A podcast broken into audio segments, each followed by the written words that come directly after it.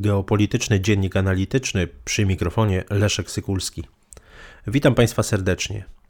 W dniach od 2 do 3 września tego roku w słoweńskim Kraniu odbyło się, odbyło się spotkanie ministrów spraw zagranicznych Unii Europejskiej w takiej formule nazywanej formułą Gimnich od nazwy niemieckiego zamku w Erftstadt w nadrenii północnej Westfalii, gdzie rozpoczęły się tego typu właśnie spotkania. Istotą spotkań Gimnich jest ich nieformalny charakter. Odbywają się one zgodnie z rotacyjną prezydencją w Radzie Unii Europejskiej. Co 6 miesięcy ministrom nie towarzyszą asystenci i wielu ekspertów podkreśla, że te spotkania dzięki takiemu nieformalnemu charakterowi oddają no, o wiele bardziej szczere intencje i pozwalają na Mm, taką szczerą wymianę poglądów między, przywódca, między szefami dyplomacji państw Unii Europejskiej. Mm, warto podkreślić, że na tym spotkaniu, na, na tym, y, podczas tego spotkania w Kraniu, mm, szefom dyplomacji towarzyszyli także ministrowie obrony. No, jakby temat y, tego, tego spotkania był bardzo istotny, związany z sytuacją w Afganistanie, skutkami przejęcia władzy przez talibów, wycofania wojsk amerykańskich, tego w jaki sposób sposób może to wpływać na bezpieczeństwo Unii Europejskiej i pod kątem zagrożenia terrorystycznego, i pod kątem zagrożenia migracyjnego. W trakcie tego spotkania Niemcy wystąpili z postulatem utworzenia niewielkich sił zbrojnych, e, dodajmy europejskich sił zbrojnych, które byłyby zdolne do reagowania, no na przykład jak to tutaj niemieccy przedstawiciele powiedzieli, w sytuacjach kryzysowych. Niemiecka minister obrony Annegret Kramp-Karrenbauer mm, stwierdziła, że państwa Unii Europejskiej mają potencjał militarny. Tutaj odniosła się do tych do tych zarzutów o słabość czy o brak strategicznej autonomii mm, w Unii Europejskiej, no, stwierdziła, że kluczowe dla przyszłości unijnej polityki bezpieczeństwa i obrony no, będzie to, w jaki sposób ten potencjał będzie wykorzystany. Natomiast no, niewątpliwie y, przekształcenie grup bojowych Unii Europejskiej, które mm, zostały powołane na przełomie 2004 i 2005 Mm, wydaje się tutaj jednym z takich bardzo istotnych celów Niemiec. Chodzi o stworzenie mm, właśnie, można powiedzieć, autonomicznych europejskich sił e, zbrojnych. Mm, na tej kanwie powstają bardzo liczne dyskusje i bardzo liczne pomysły, jak ma być to zorganizowane. Między innymi pojawił się pomysł, aby stworzyć taką formację, która składałaby się nie z pododdziałów wystawianych przez poszczególne państwa członkowskie, ale na przykład y, gdzie byłaby to formacja ochotnicza, gdzie ochotnicy z różnych państw Unii Europejskiej nie na zasadzie przynależności narodowej, ale po prostu deklarowanej chęci y, wstępowaliby do, takiego, do takiej formacji. Tutaj warto wspomnieć, że były minister spraw zagranicznych mm, Polski, y, pan Radosław Sikorski, zaproponował właśnie taką formułę Legionu Europejskiego, coś na kształt, no można powiedzieć, przypominającego Legię Cudzoziemską, gdzie byłoby, to, gdzie byłoby tutaj europejskie dowództwo i mm, na zasadzie ochotniczej mm, poszczególnie, poszczególne chętne osoby do służby w europejskich siłach zbrojnych, w tym Legionie Europejskim, miałyby, miałyby y, składać akces Podczas spotkania w Kraniu ministrowie wstępnie ustalili, że Unia Europejska powinna dysponować y, takimi siłami szybkiego reagowania o liczebności między 5 a 20 tysięcy y, żołnierzy. Tutaj warto podać, że minister obrony Słowenii Matej Tonin y, zadeklarował, że wykorzystanie y, właśnie takich europejskich sił szybkiego reagowania nie powinno wymagać jednomyślnej decyzji państw członkowskich. No, to, to bardzo ciekawa propozycja. Tutaj minister Tonin e, podkreślił, że no, warunek pełnej zgody mm, wśród wszystkich państw Unii Europejskiej właściwie paraliżuje praktyczne użycie istniejących, tak jak powiedziałem, od przełomu 2004-2005 roku grup e, bojowych.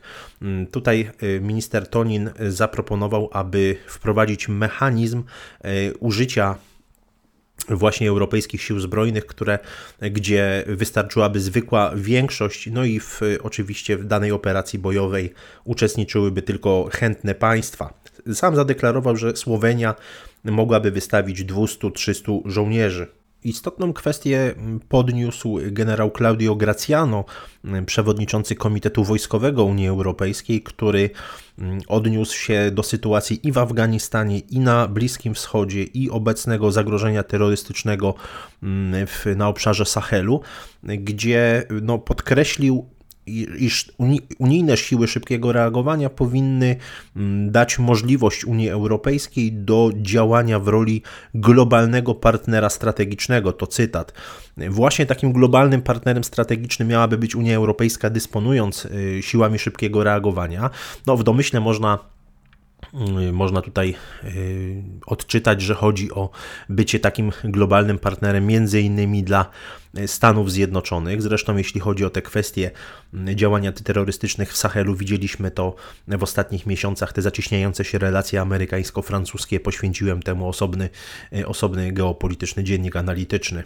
Sama ta idea y, stworzenia takiej europejskiej autonomii y, w zakresie mm, polityki obronnej, polityki bezpieczeństwa, wspólnego systemu obronnego, także w, w kontekście armii europejskiej, sił zbrojnych, europejskich sił zbrojnych, no, to, to jest idea, można powiedzieć, już dosyć stara. Sięga, możemy tutaj sięgnąć spokojnie do lat 50., do różnych propozycji, które się wówczas pojawiały, między innymi we Francji, ale wtedy, kiedy w 1954 roku francuskie Zgromadzenie Narodowe odmówiło ratyfikowania Europejskiej Wspólnoty Obronnej, no to właściwie można powiedzieć, że na długie, e, długie dekady Zarzucono ten pomysł, zresztą tutaj, jeśli chodzi o kwestię bezpieczeństwa, tego parasolu bezpieczeństwa, polegano głównie mm, na Stanach Zjednoczonych, a we Francji polegano na własnych e, siłach i zdolności, jeżeli chodzi o siły strategiczne, włącznie oczywiście z bronią jądrową.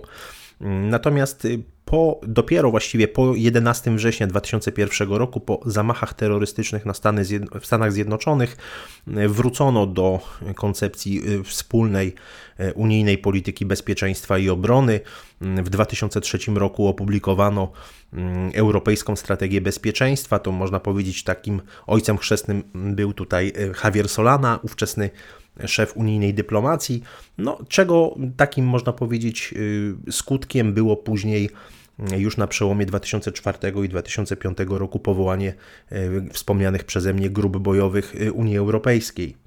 Pełną gotowość operacyjną te grupy bojowe osiągnęły w roku 2007 i mm, przynajmniej formalnie uczestniczą w nich 24 państwa członkowskie Unii, a także dwa państwa spoza Unii, ale należące do Sojuszu Północnoatlantyckiego. Mam tutaj na myśli oczywiście Turcję i Norwegię. Co jest istotne, to grupy bojowe Unii Europejskiej właściwie no, nie są wykorzystywane. Tutaj pojawia się bardzo istotna różnica zdań i co do kwestii zasadności ich użycia w określonych sytuacjach, i co do e, finansowania. Bardzo często zresztą od 2007 roku pojawiają się mm, w Unii Europejskiej liczne głosy, aby je e, zreformować, aby no inaczej zdefiniować funkcjonowanie tych grup bojowych. No, Tutaj podkreśla się bardzo często, że takim kolejnym istotnym krokiem w, w celu wzmocnienia unijnej mm, współpracy obronnej było powołanie PESCO y, w 2017 roku, czyli y, tak, jest to tak zwana stała współpraca strukturalna, no, często nazywana wojskowym Schengen, mm, ale faktem jest, że tak, y, ta, y, można powiedzieć, współpraca strukturalna to jeszcze jest bardzo długa droga do stworzenia mm, unijnej armii. Zresztą pojawiają się bardzo istotne głosy o mm, dublowaniu y, roli NATO i jak będzie to wyglądało mm, w, w kontekście relacji ze Stanami Zjednoczonymi. Choć warto podkreślić, że w samych Stanach Zjednoczonych te wysiłki na rzecz, można powiedzieć, no, wzmocnienia potencjału wojskowego Unii Europejskiej mm, trafiają na znaczy, są, są traktowane pozytywnie, są odbierane pozytywnie. Mm, zresztą ostatnio mm, rzecznik Departamentu Stanu Ned Price stwierdził, że silniejsza Europa jest w, we wspólnym interesie i Stanów Zjednoczonych, i, e, i Europy. Ta niemiecka propozycja stworzenia czegoś na kształt europejskich sił zbrojnych, europejskiej armii, pojawia się w tym momencie, w którym nie tylko toczy się bardzo istotna debata na temat nowej, nowego kształtu architektury bezpieczeństwa międzynarodowego, kwestii autonomii strategicznej Unii Europejskiej, ale także tego, w jakim kierunku powinna rozwijać się Unia Europejska.